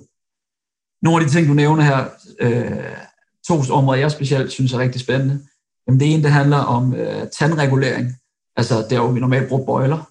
Der har man jo øh, det, der hedder clear liners, som er øh, nogle gennemsigtige plastikskinner, som øh, er utrolig simple at producere, og de er ikke særlig indgibte i patientens dagligdag. Det vil sige, at øh, hvis du kan få lavet en, øh, en clear liner behandling, jamen så kan du egentlig få rettet dine tænder til, øh, både som teenager, og jeg godt forestille som teenager, det er noget federe at have en gennemsigtig plastikskin på, som du jo kan tage af ja. de her øh, metalbøjler. Øh, også for voksne mennesker, for eksempel sådan et sted som Brasilien, altså der er det markedet for, for sådan nogle øh, clear liners kæmpestort, fordi de går så meget op i at have det helt rigtige smil. Øh, så det er et område, der, bliver, der er rigtig stort lige nu. Et andet område er, ja, som jeg også synes er rigtig spændende, som jeg også tænker, at du som læge synes er ret spændende, det er et område for diagnostik. Altså, når, øh, hvis du nu kommer ned hos tandlægen, og du bliver scannet, og så kan man se, okay, nu kommer du et halvt år efter, så er det jo svært for tandlægen så lige præcis at huske, nå ja, Mads, jamen det var, det var lige præcis den tand, og der skulle jeg lige være opmærksom på en lille ændring her og sådan noget. Øh, det vi gør, det er for eksempel, at vi siger, okay, her var de første scan, nu kommer vi med et nyt scan. Øh, så prøver vi at sammenligne, okay, hvad er det for en udvikling, vi ser? Er der, øh, er der måske tendens til begyndende karies? Øh, er der tendens til begyndende nedslidning af tænder? Er der, er der måske andre sygdomme, vi skal til at være opmærksom på? Så hele den, øh, den gren af det, hvor man, hvor man går til øh, man kan sige, prevention i stedet for at og man kan sige, komme og rette op på skaden, så prøver man at undgå, at skaden sker inden det er jo et øh, uh, super spændende område, for, uh, hvis man kigger lidt ud i fremtiden. Det bliver sådan lidt Matterport-agtigt, altså hvor Matterport, det, det bliver sådan en historisk øh, journal for en, en 3D, øh, tv, øh, for, for en digital tvilling, bare et hus, hvornår man udskiftede stikkontakten, og måske hvordan så hullet ud, da tandlægen havde boret det ud, inden han begyndte at fylde det, og alt sådan noget, altså så kan man, så man på en eller anden måde få lavet sådan et, et komplet øh, mm, en komplet digital tvilling, også over tid med udviklingen, og det, det, vil, det, det, det kunne jeg godt forestille mig, at det bliver et, et godt diagnostisk øh, redskab og arbejdsmæssigt redskab. Ja, lige præcis. Det er jo, det er jo, det er jo præcis noget, vi, vi håber, at, øh, at vi kan få tandlægerne med på vognen, ikke? og de kan se øh, værdien af det. Og det er jo lidt med den her uh, adoption curve, ikke? altså innovators har købt ind på det, og, og er godt i gang rundt omkring i verden. Og man kan sige, uh, vi, vi nærmer os der, hvor early majority, de skal til at springe med på vognen. Uh, og selvfølgelig det med udviklingen af det og sådan noget. Ja. Nå, men vi skal, vi skal snakke artificial intelligence, fordi det, det er yes. egentlig det, som, som, øh, ja, det er det, som, som vedrører øh, podcasten her mest, øh, og prøve at få en, en fornemmelse af, hvordan, hvordan, er, hvordan er det integreret i en virksomhed, en virksomhed, der arbejder med, med AI og machine learning. Kan du prøve at beskrive, hvordan, hvordan kan, man, kan, kan du give mig en fornemmelse af, hvordan hvordan det er at være i sådan en virksomhed, hvad, hvordan bygger man det op, og hvad, hvad gør man til daglig, drikker man også kaffe og, og sådan noget? Ja, jamen jeg tror egentlig, jeg vil prøve at dele de spørgsmål op i to. Så jeg vil godt prøve at, give dig, tage dig med på rejsen fra da vi begynder på det her at kigge, okay, deep learning, øh, AI er en, øh, en interessant teknologi, det skal vi være med på. Og så til, hvordan det er i dag, hvor vi egentlig har mm. bygget en rigtig stærk organisation. Øh, så hvis vi starter helt tilbage, jamen på det tidspunkt, der har vi en masse matematikere ansat, softwarefolk, øh, traditionelle algoritmer og sådan noget. Og der begynder så at komme det her, okay, deep learning, øh, statistisk læring, det vi i dag kalder AI, er interessant. Øh, så, så der sætter man en, en lille gruppe mennesker sammen. Jeg tror, der har været en 5-6 stykker i den her gruppe her, hvor man så siger, okay, hvad kan vi bruge det her til? Har vi et eller andet problem, vi længere har forsøgt at løse, som det giver mening at forsøge at løse nu her? Og der i starten, der har du ikke særlig meget data. Du har ikke øh, hele infrastrukturen og sådan noget. På det tidspunkt der var det sådan noget med, at der havde man måske øh, fem eksempler fra, øh, fra en af vores samarbejdspartnere, vi kunne bruge til at, at udvikle vores algoritmer på. Og, og det er jo et, et godt stykke vej væk fra, fra deep learning og AI, som jo kræver flere millioner datapunkter, hvis det sådan skal være rigtig godt. Øh, men det var der, vi startede. Øh, og der begyndte vi så at udvikle nogle proof of concept modeller, og vi kunne se, okay, der, der er potentiale her. Det næste, der så sker, det er så, at vi begynder at sige, okay, vi, vi bliver simpelthen nødt til at få noget mere data. Så øh, vi begynder først, så snakker, rækker vi ud til nogle af vores samarbejdspartnere og får lidt mere data. Det gør så igen, vi kan iterere lidt, vi kan få man kan sige, vores første produkt klar til intern brug. Øh, og vi kan ligesom se, og ledelsen kan også godt se, okay, der er, der er potentiale i det her. Så øh, det næste, vi så gør, det er, jamen, så får vi fat i nogle, øh, nogle folk, der har noget forståelse for cloud. Øh, og de kommer ind og siger, at vi snakker lidt om, vi skal simpelthen have en data lake. Altså vi bliver nødt til at, vi har, vi leverer software til øh, rigtig mange virksomheder rundt omkring i verden, øh, tandlæger og tandteknikere. Vi bliver nødt til at gøre et eller andet for at leverage den data. Så vi går simpelthen i gang med at bruge øh, og bygge en, øh, en datalæringsplads, hvor vi simpelthen får adgang til rådata. Øh, og, og det lykkedes så rimelig godt. Så vi begynder at stille roligt for det her rådata ind, og så lige pludselig, jamen så vores modeller, i stedet for at have måske 5.000 cases, jamen så har vi måske 50, 100, en million cases at køre med. Øh, og så er det lige pludselig interessant, fordi så kan du begynde at, at, at rent faktisk lave noget med de her deep learning algoritmer. Det næste, man så skal i sådan en situation, det er så, jamen så skal man løse det problem, der hedder, at øh, det kan godt være, at jeg har en masse datapunkter, men tager forever rent faktisk at, at træne på det her data og, og tage det her rådata og analysere det. Øh, så der bliver man nødt, der, skal, der skulle vi så ud og have fundet ud af at sige, okay, jamen, så skal vi have fat i øh, nogle beregningsværktøjer. Der kan for eksempel øh, sådan noget som AWS og Azure og så videre. Øh, de giver jo mulighed for, at man kan leverage øh, deres systemer for at, at hurtigt lave sådan nogle beregninger. Men også sådan noget... Altså, må jeg lige spørge, sådan noget, ja. meget software derude, det er jo egentlig, øh, det er jo egentlig altså, øh, øh, hvad det hedder, open, open source øh, ja. software, og så, så lægger man en eller anden relativt lille proprietær del på noget, noget special, et eller andet, der kan noget. Så noget læring til, altså er det, er det sådan noget open source software, sådan noget machine learning software, og så lægger man, så, så skriver man lige selv på til sidst, det er tænder, og ikke, ikke selvkørende teknologi, I skal lære, eller hvordan, Øh, så du tænker, altså selve algoritmerne, hvordan vi udvikler dem og Ja, er det, er, er det standard open source, eller generelt, eller er det Nvidia, der, der leverer det, eller hvordan? Ja, okay, nu tror jeg, forstår du, mener. Altså, hvis vi deler det lidt op igen, så kan man sige, at øh, selve det at skrive en algoritme, og hvordan, hvordan du laver de her deep learning øh, algoritmer, der er to dominerende sprog, man bruger. Det ene det, der hedder TensorFlow, det er Google, der står bag det, og det er open source. Og så er der noget, der hedder PyTorch, som er en sammenslutning af flere forskellige, der står bag, men det er primært Facebook eller Meta, der står bag det. Og de har egentlig stillet det her framework til rådighed, øh, som, som man kan bruge som, som udvikler frit. De gør det selvfølgelig, fordi at så udbyder de nogle services, hvor at, øh, der er ligesom leverage af det for, for virksomheder og sådan noget. I vores tilfælde, så øh, de problemer, vi løser, er, er ret avanceret i og med, at vores data er 3D. Og det gør, at vi kan ikke bare tage, sådan, du ved, øh, forskerne er kommet med nogle resultater inden for deep learning, det kan vi bare lige tage og bruge det. Det kan vi ikke bare gøre. Vi er nødt til at sige, okay, de er kommet med nogle resultater her, de er rigtig spændende. Øhm, kan vi gøre et eller andet, så vi kan bruge noget, der ligner det? Øhm, og, og der har vi været nødt til at komme op med nogle innovationer og, og tage nogle patenter og så videre, som, for at vi ligesom har kunne, kunne lære at håndtere 3D-data. Så det er ikke bare noget, man lige øh, ryster ud af ærmet. Havde det nu været en virksomhed, der arbejdede på 2D-data derimod, så er det noget helt andet, fordi der, der er rigtig meget øh, godt øh, offentliggjort af både sådan nogen som, altså alle de store virksomheder, øh, open source og mange af deres øh, resultater. Øh, Google og, ja specielt Google, ikke? men også øh, Facebook og you name it. Er der sådan nogle, er der sådan nogle øh, brugerinterfaces, sådan at hvis man har brug for at lave noget machine learning og, og artificial, så er der nogle, nogle steder, lidt af WordPress, hvis man har brug for at lave en hjemmeside, så kan man bruge WordPress eller Wix eller sådan. Er der sådan noget for, for artificial intelligence? Jamen det er der. Øh, der er, og det er faktisk både øh, Azure, de tre store i skyen, ikke? altså Google Cloud, Azure og, øh, og AWS, jamen de tilbyder moduler, hvor der gør det super nemt at gøre de her ting. Og, og der er også, der ligger rigtig mange tutorials, der ligesom er, er tilgængelige, så hvis du ved en lille smule om, hvad du laver, det er nok svært at komme ind som almindelig businessanalytiker og lige sige, nu skal jeg lige have gjort sådan og sådan. Men hvis du har en softwarebaggrund, så er det relativt nemt at, at, at lave, du ved, øh, simple use cases med det, netop fordi, at de stiller alle de her ressourcer til rådighed. Men jeg afbryder sådan lidt i, øh, i den der rejse med, hvordan I kom der til, og så ligesom, hvordan det er at være i, i øh, altså hvordan, hvordan livet i sådan en virksomhed er.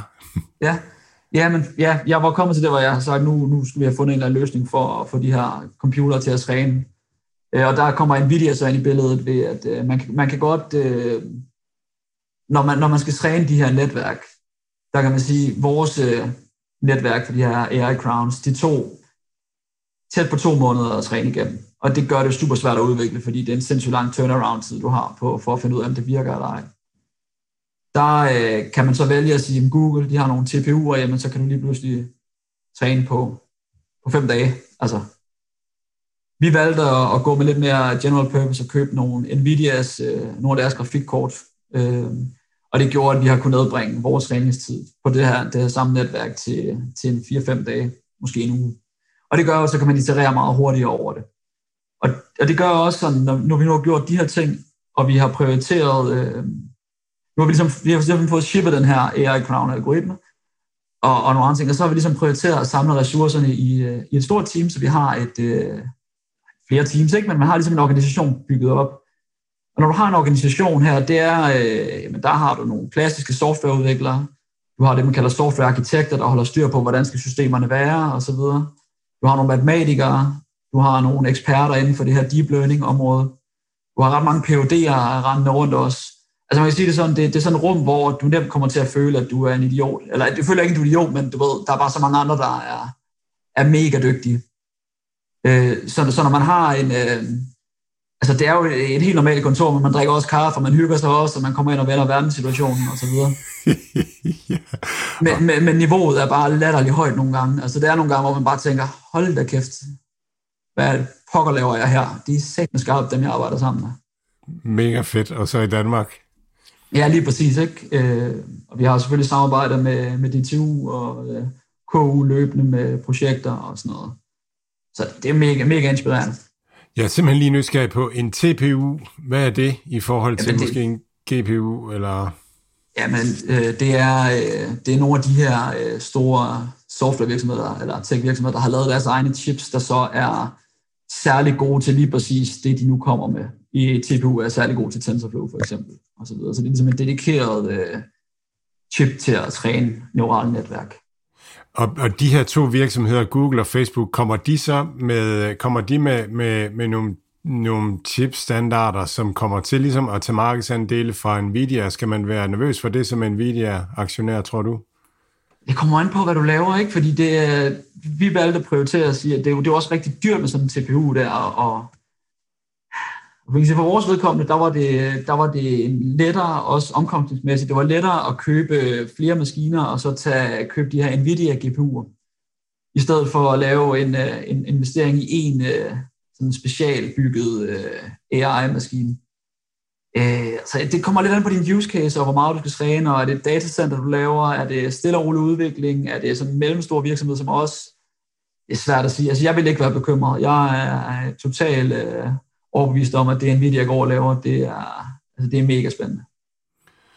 Inden vi sådan skal til at, at snakke lidt om, om, om, om, hvordan det virker, og, og sådan noget med, hvordan man får de sidste procenter med og sådan noget, så, så har du øh, noget, du kalder AI-fødekæden. Jeg tror, vi har været sådan lidt inde omkring det, men kan du lige, lige riste det op? Hvad er det, hvad er Ja. det sådan, man skal have? Hvad står man ind i den ene ende og, og ud i den anden ende, og hvad, hvad skal der til?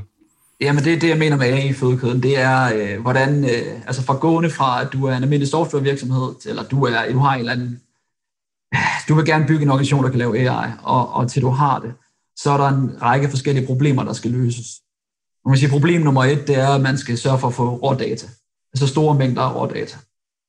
Det, det er, øh, hvad kan man sige, det er alfa og omega, du har det. Det er ligesom der, vi starter. Når du så har det, jamen, så skal du så finde ud af, hvordan kan du så opbevare den data, og hvordan kan du analysere på den data, sådan, så du kan finde ud af, hvad skal vi egentlig bruge dataen til. Så kommer vi til punkt 3, det er så, okay, nu har jeg fundet ud af, hvad jeg skal bruge den til, så skal jeg også kunne processere det. Jeg skal gerne kunne tage min rådata og forvandle det til noget data, som jeg kan bruge i mit neurale netværk.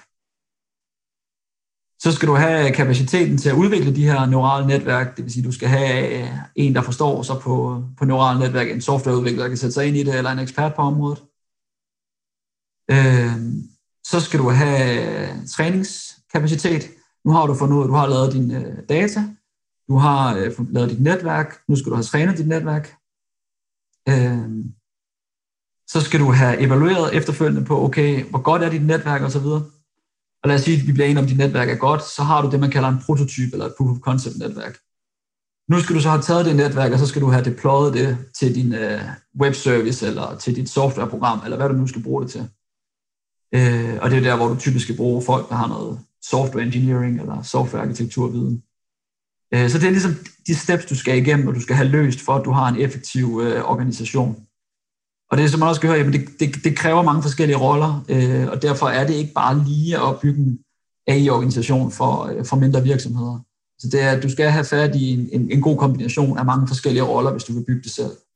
Er det så, altså hvis man nu går 5-10 år tilbage, altså så, så, så tænker jeg, at så er det godt nok forbundet, når man skulle selv ud og opfinde alle ting, det, det må have været sådan, hvis man bare tænker, øh, tænker hvis man tænker den her bruger, brugerinterface tankegang, hvis man tænker, at man er en virksomhed, der gerne vil bruge machine learning og artificial intelligence, og så, altså, så tænker, hvor svært er det så at gøre, og hvis man har været en pioner, som I har været øh, og startet for mange år siden, jamen, så har I skulle bygge det hele fra bunden. Men er det, hvis man nu står i dag og tænker, at man har en mega god idé, som, som vil kræve machine learning, altså skal man så hele den samme rejse, eller er der sådan lidt plug and play over det, eller sådan lidt, lidt, mm, lidt brugerinterfaces, altså forstår du, hvad jeg mener? Ja, ja, jeg forstår, hvad du mener. Og, og man kan sige, det, det er jo igen, jeg vil gerne tage udgangspunkt i, nu nævner jeg de her store big tech virksomheder, og de har jo en interesse at drive compute på deres platform, og, og, og de har stillet, altså de har gjort det muligt, og alle de her punkter, jeg nævnte før, de her 5-6 stadier, dem har de gjort muligt at ligesom få hjælp til, om man vil. Du skal stadigvæk indsamle data på en eller anden måde. Men, men du kan bygge dit dataindsamlingssystem ovenpå på de her AWS for eksempel. Og sådan noget. Det, det er nok stadigvæk den, den del, hvor man lige skal holde tungen lige i munden. Men, men træning af netværk, øh, processering af data, øh, analyse af data, jamen der er i stedet for, at man skal sidde og bygge sin egen analyse-tools osv., der er der de her platforme, de stiller rigtig mange af de her ting til rådighed. Så står man i en organisation, hvor man måske har to softwareudviklere, og man tænker, at øh, jeg kunne faktisk godt tænke mig at, at lave noget machine learning og sådan noget, så vil det helt klart være muligt at gøre ved at leverage de her øh, tilbud, som er for de her cloud providers. Det er simpelthen så, så spændende en tankegang. Jeg, jeg skal lige pitche, vi, vi, øh, vi kommer til at interviewe øh, øh, nogen fra en virksomhed, der hedder Synergy XR, og de laver, at de laver virksomhedsclouds, altså på den måde, at, at de egentlig sådan laver et rigtig godt interface, så man som virksomhed selv kan bygge sin virtuelle oplevelse sådan relativt relativt simpelt. Det, det, ja, det synes jeg bare er spændende, at, at noget starter med at være utrolig svært at gå til og så videre, og så ned ad vejen, så bliver det ligesom bare en service, at, at man sætter bare et stik ind, og så har man, så har man øh, et eller andet, der er i hvert fald nemt at gå til, lidt ala, ala, øhm, ala VIX, eller øh, hvad den hedder, den anden, som man laver hjemmesider med, at, at så lige før, at jeg kan finde ud af at lave en hjemmeside. Øh. Det, det inspirerende med det her, interessante med det her, det er jo, at du, du demokratiserer det et eller andet sted. Øh, altså jeg vil sige, du skal stadigvæk, øh, du skal stadigvæk ideelt set forstå principperne bagved. I hvert fald skal du forstå, hvilke konsekvenser de beslutninger, du træffer, har. Altså, det er, det er et ret kraftfuldt værktøj, sådan noget kunstig intelligens. Øh, det, det er relativt vigtigt, at, at du forstår, hvad betyder det, hvis du får en eller anden, du træner dit netværk, og du får en eller anden performance. Hvad betyder det så, hvis du bruger den direkte på dine data, for eksempel? Ja, og så i sidste ende, så er det jo, så er det jo de samme steder, at rigtig meget omsætning ligger. Det er, det er Amazon, Microsoft og Google på deres cloud-platforme. Er, er, det, er der andre, man skal tænke på? Ja, det er jo dem, der, der typisk ligger til, til grund. Ikke? Øh, så kan man sige, så er der så mange, øh, der er mange af de her små øh, softwarevirksomheder, der prøver ligesom at, at, at partner op med de her cloud-virksomheder for at prøve at, at tilbyde nogle services, som de ikke tilbyder. Du kan tage en virksomhed som Snowflake for eksempel, der, øh, der lægger sig ligesom på tværs af de her clouds løsninger og, og prøver at, at gøre det lettere for virksomheder og, og, og øh, få analyseret deres data osv., så, videre, så de netop prøver at minimere den her software engineering omkostning, der ellers er ved det. Ja, også, også sådan en måde at dele på. Altså hvis man nu var øh, 50 forskellige små tandtekniker virksomheder, at, som ikke havde data nok, så vil man via via, via Snowflake kunne ende med at dele den data med hinanden, så man kunne lave noget, noget på den, øh, som jeg forstår Snowflake. Ja, giver mening. Øhm, nå, så er der det her, du fortalte mig om det her, du, du kalder den asymptotiske grænse øhm, med, med AI og med data og sådan noget. Fortæl om det, det er mega spændende. Jamen, jeg synes jo, det, man snakker så meget, når man snakker AI, så snakker man bare, okay, den, der har mest data, det er den, der vinder. Ja synes jeg bare, det, det er sådan set, senvis giver det mening, men, men jeg synes også bare, det er vigtigt at holde sig for øje præcis, hvordan de her systemer fungerer. Fordi hvis du har en eller anden given øh, net, neuralt netværk, og du har et eller andet problem, jamen så i starten, der er klart, jo mere data du giver den, jo bedre bliver algoritmen. Og så på et eller andet tidspunkt, der begynder du at nå til et punkt, hvor at det at tilføje 5% ekstra data, det giver ikke en tilsvarende effekt på performance. Øh, man, man rammer simpelthen en, en asymptotisk linje for, hvor, hvor god kan din performance blive. Øh, og det gør jo, at det kan godt være, at øh, lad os bare tage et eksempel, at øh, virksomhed X har 1 million, eller vores virksomhed har, lad os bare eksempel, vi har 1 million øh, datapunkter. Øh, der er en anden virksomhed, der har 10 millioner datapunkter. Men hvis de 1 million datapunkter er nok til, at jeg kan få en rigtig høj performance på min algoritme, så behøver jeg måske ikke de næste 9 millioner cases. Øh, og ja, du, du fortalte, sidst vi snakkede sammen, så fortalte du om Tesla det ja, her e- eksempel her med, at, at, at, at når Tesla nu har datapunkter nok til at køre på en lige vej med, med hvide streger af hver side af vejen og sådan nogle ting, altså så behøver de ikke øh, at fordoble den datamængde. Det, det gør dem ikke bedre til at køre på en mørk vej, hvor der kommer en kat løbende ud, eller og der står en ko i rabatten, eller uh, uh, sådan et eller andet. Ja, lige præcis. Og der synes jeg jo, at Tesla er jo rigtig fede her, fordi at de har deres AI-dag, hvor de egentlig fortæller om, hvad de laver og sådan noget. Og det Tesla gør, det er at sige, jamen altså problemet med self-driving, det er jo ikke, at, at du kan køre rigtigt i 98% af tiden. Problemet er de der procenter, hvor der sker noget uforudset, og hvor du er på spanden. Ikke? Øh, og det kunne for eksempel være, at øh, du kører på en, jeg ved jeg, en, en, en, en mørk landevej, det sner, øh, linjerne er halvdækket til, øh, der kommer en modkørende, eller du kører i byen, og der kommer lige pludselig en mand klædt ud som et juletræ, der bevæger sig ud på tværs af vejen. Altså, hvordan skal du reagere i den situation? Øh, og det vil sige, du leder efter, efter det, man kalder af, hvad hedder sådan, ah, pokker, det, hedder, øh, du leder efter outliers, altså øh, datapunkter, som er uhyre sjældne. Og der har Tesla jo så fundet en måde at, at leverage og sige, okay, jeg har nogenlunde idé om, hvordan det, hvad det er for nogle data, jeg skal bruge, og så sourcer de simpelthen for deres flåde af biler, så de siger, de pinger at alle deres biler derude, så siger de, biler, jeg skal bruge øh, den her slags data og så får de indsamlet den slags data. Øh, det er mit bud på, hvorfor de rykker så meget øh, rent self-driving-mæssigt herinde på de sidste par år. Og det, er også, det, det virker til, at det er det, der er, er fokus for, for dem, når man hører dem snakke. Og det er sindssygt inspirerende og sindssygt relevant i virksomheder, som, hvor der er højt det, man kalder regulatoriske øh, jeg vil sige, barriere at komme over. Det vil sige medtech og, øh, og sådan noget som øh, ja, selvkørende biler og sådan noget. Altså, det, det er ikke helt det samme, hvis det er Snapchat-filtre. Altså, der, der er ikke helt det samme af det. vi kan godt acceptere, at vi kommer til at ligne, ligne en beskægget nisse, øh, hvor vi egentlig skulle have, have været et juletræ, eller, eller hvad det nu kan være. Ja, lige præcis. Ja. Så er der noget med, med online data og CrowdStrike og, og, og sådan noget ja. med, med, med det her med at være på og kontinuerlig datastrøm og sådan noget. Gør os klogere. Ja. Jamen det var, nu var det her eksempel, det var sådan noget som øh, Tesla og det at lave en AI Crown for eksempel. Det er jo noget data, hvor du behøver ikke, det er ikke noget, der ændrer sig lige i morgen med, hvordan du skal opføre dig i sådan en situation. Men i sådan noget som uh, cybersecurity, der har du jo en, uh, en verden, der ændrer sig uh, utrolig hurtigt. Og, og, og responstiden fra, at der kommer en ny virus på markedet, om man så må sige, til at du ligesom skal kunne nå at reagere på det og lukke ned for det, der skal du gerne, eller det er race to zero, ikke? Altså det skal du gerne kunne gøre så hurtigt som muligt. Og der er det noget helt andet med datafordelen, for der vil du netop have fordel af, at det der jeg kalder med online data, det er, at du hele tiden får data ind.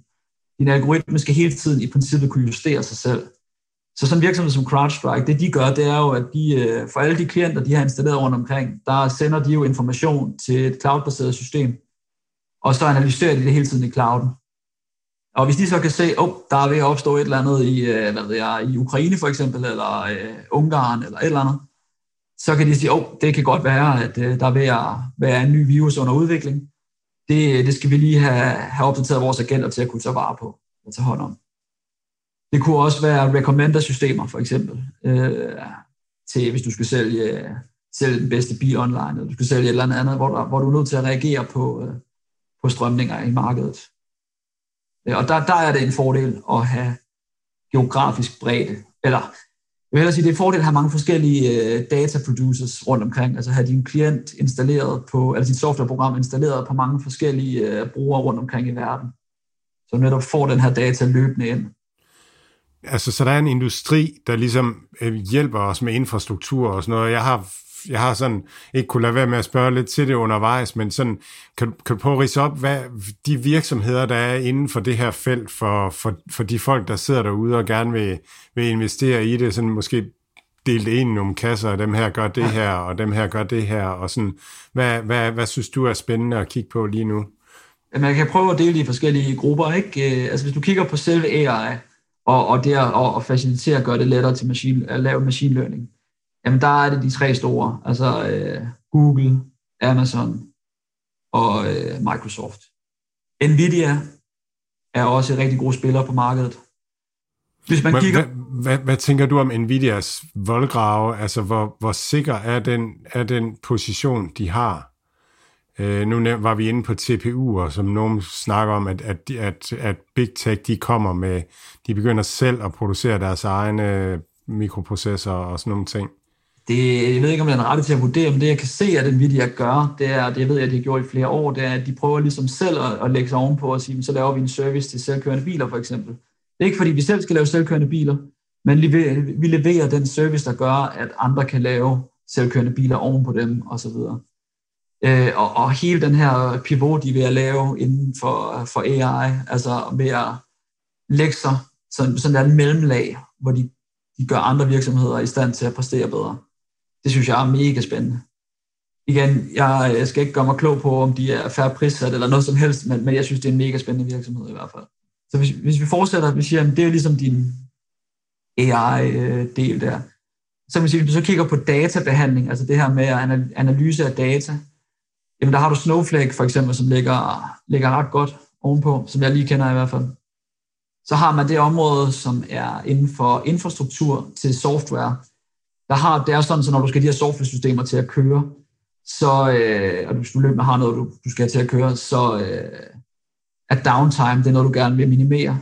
Det handler også om at undgå teknisk gæld, det vil sige, jo simplere et system du har, jo bedre overvågning af dine systemer, jamen jo bedre bliver din evne til at udvikle i fremtiden.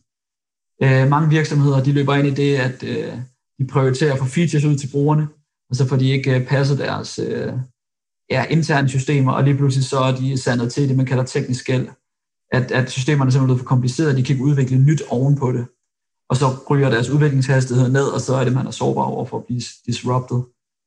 Og hvis man kigger på virksomheder, der prøver at, at gøre de ting bedre, jamen der er igen Microsoft, de øh, laver det GitHub og uh, laver en del ting inden for det space.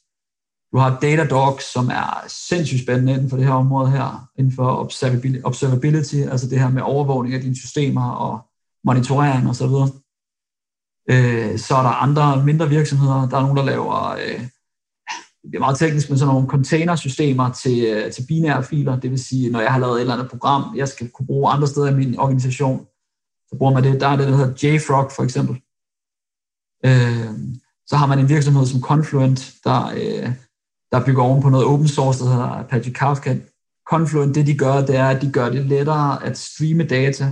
Så hvis du har en eller anden øh, virksomhed, hvor at at du ligesom løbende får data ind, og du vil gerne kunne lave analyse på den data løbende, men det er vigtigt, at tidsperspektivet øh, spiller også ind, så du vil ikke bare have en traditionel database, men du vil gerne have en, hvor, hvor hele flowet og historikken betyder noget, der øh, gør Confluent det meget lettere at, at gå til.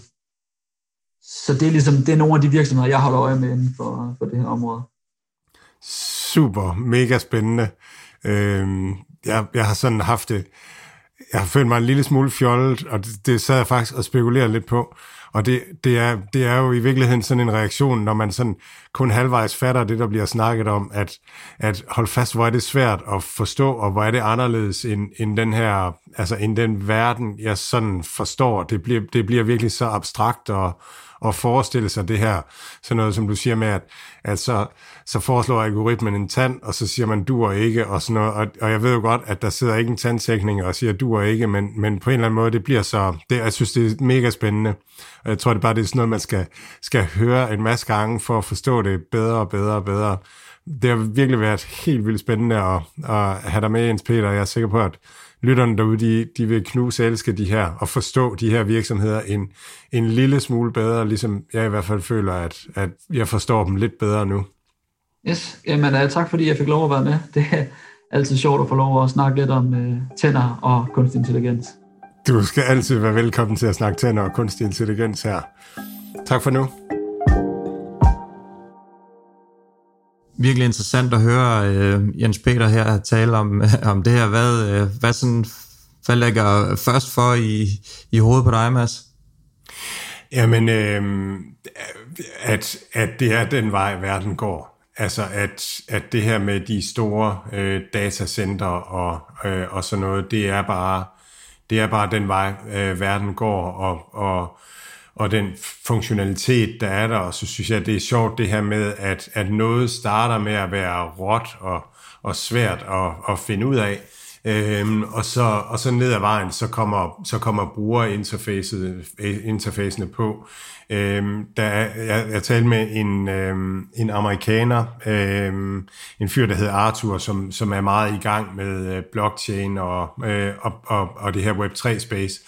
Og han, han var startet ud som mobilprogrammør øh, i de tidlige øh, smartphone-dage. Og det var sådan sjovt, det var den samme historie. Altså at dengang, der var det super svært at programmere og råt og, og uformet og sådan noget. Og så ned ad vejen, så, så bliver det nemmere at, øh, at gå til. Øh, og, og på den måde, så, så mange af de her teknologier, de bliver efterhånden nemmere og nemmere at gå til, og mere og mere effektive og, og, og bruge ligesom spilmotorerne, øh, gør det for at lave 3D-simuleringer og så videre og så videre. Så ja, det, det er spændende, at verden går den vej, og, og spændende at tænke på, hvad det kommer til at, at kunne bruges til øh, ned ad vejen. Vi er øh, nået til vejs ende. Jeg har lige lidt øh, problemer med internet her, øh, hvor jeg er lige nu, så øh, jeg håber ikke, at det er for forstyrrende derude. Vi må, vi må have Anders i gang med at klippe, hvis det er det, der skal til. Men øh, det var egentlig det, vi havde på programmet i dag. Øh, tak, for, øh, tak for i dag, Mads. I lige måde, Mathias. Og ja, pøj, pøj, pøj derude i verden. Jo, tak. Og øh, vi er naturligvis tilbage igen i, i næste uge. Endnu en, en masse regnskaber står for døren i løbet af ugen, så, øh, så det, det kigger vi selvfølgelig på i, i næste uges øh, podcast. Så rigtig god weekend til alle derude. I lige måde, Mathias.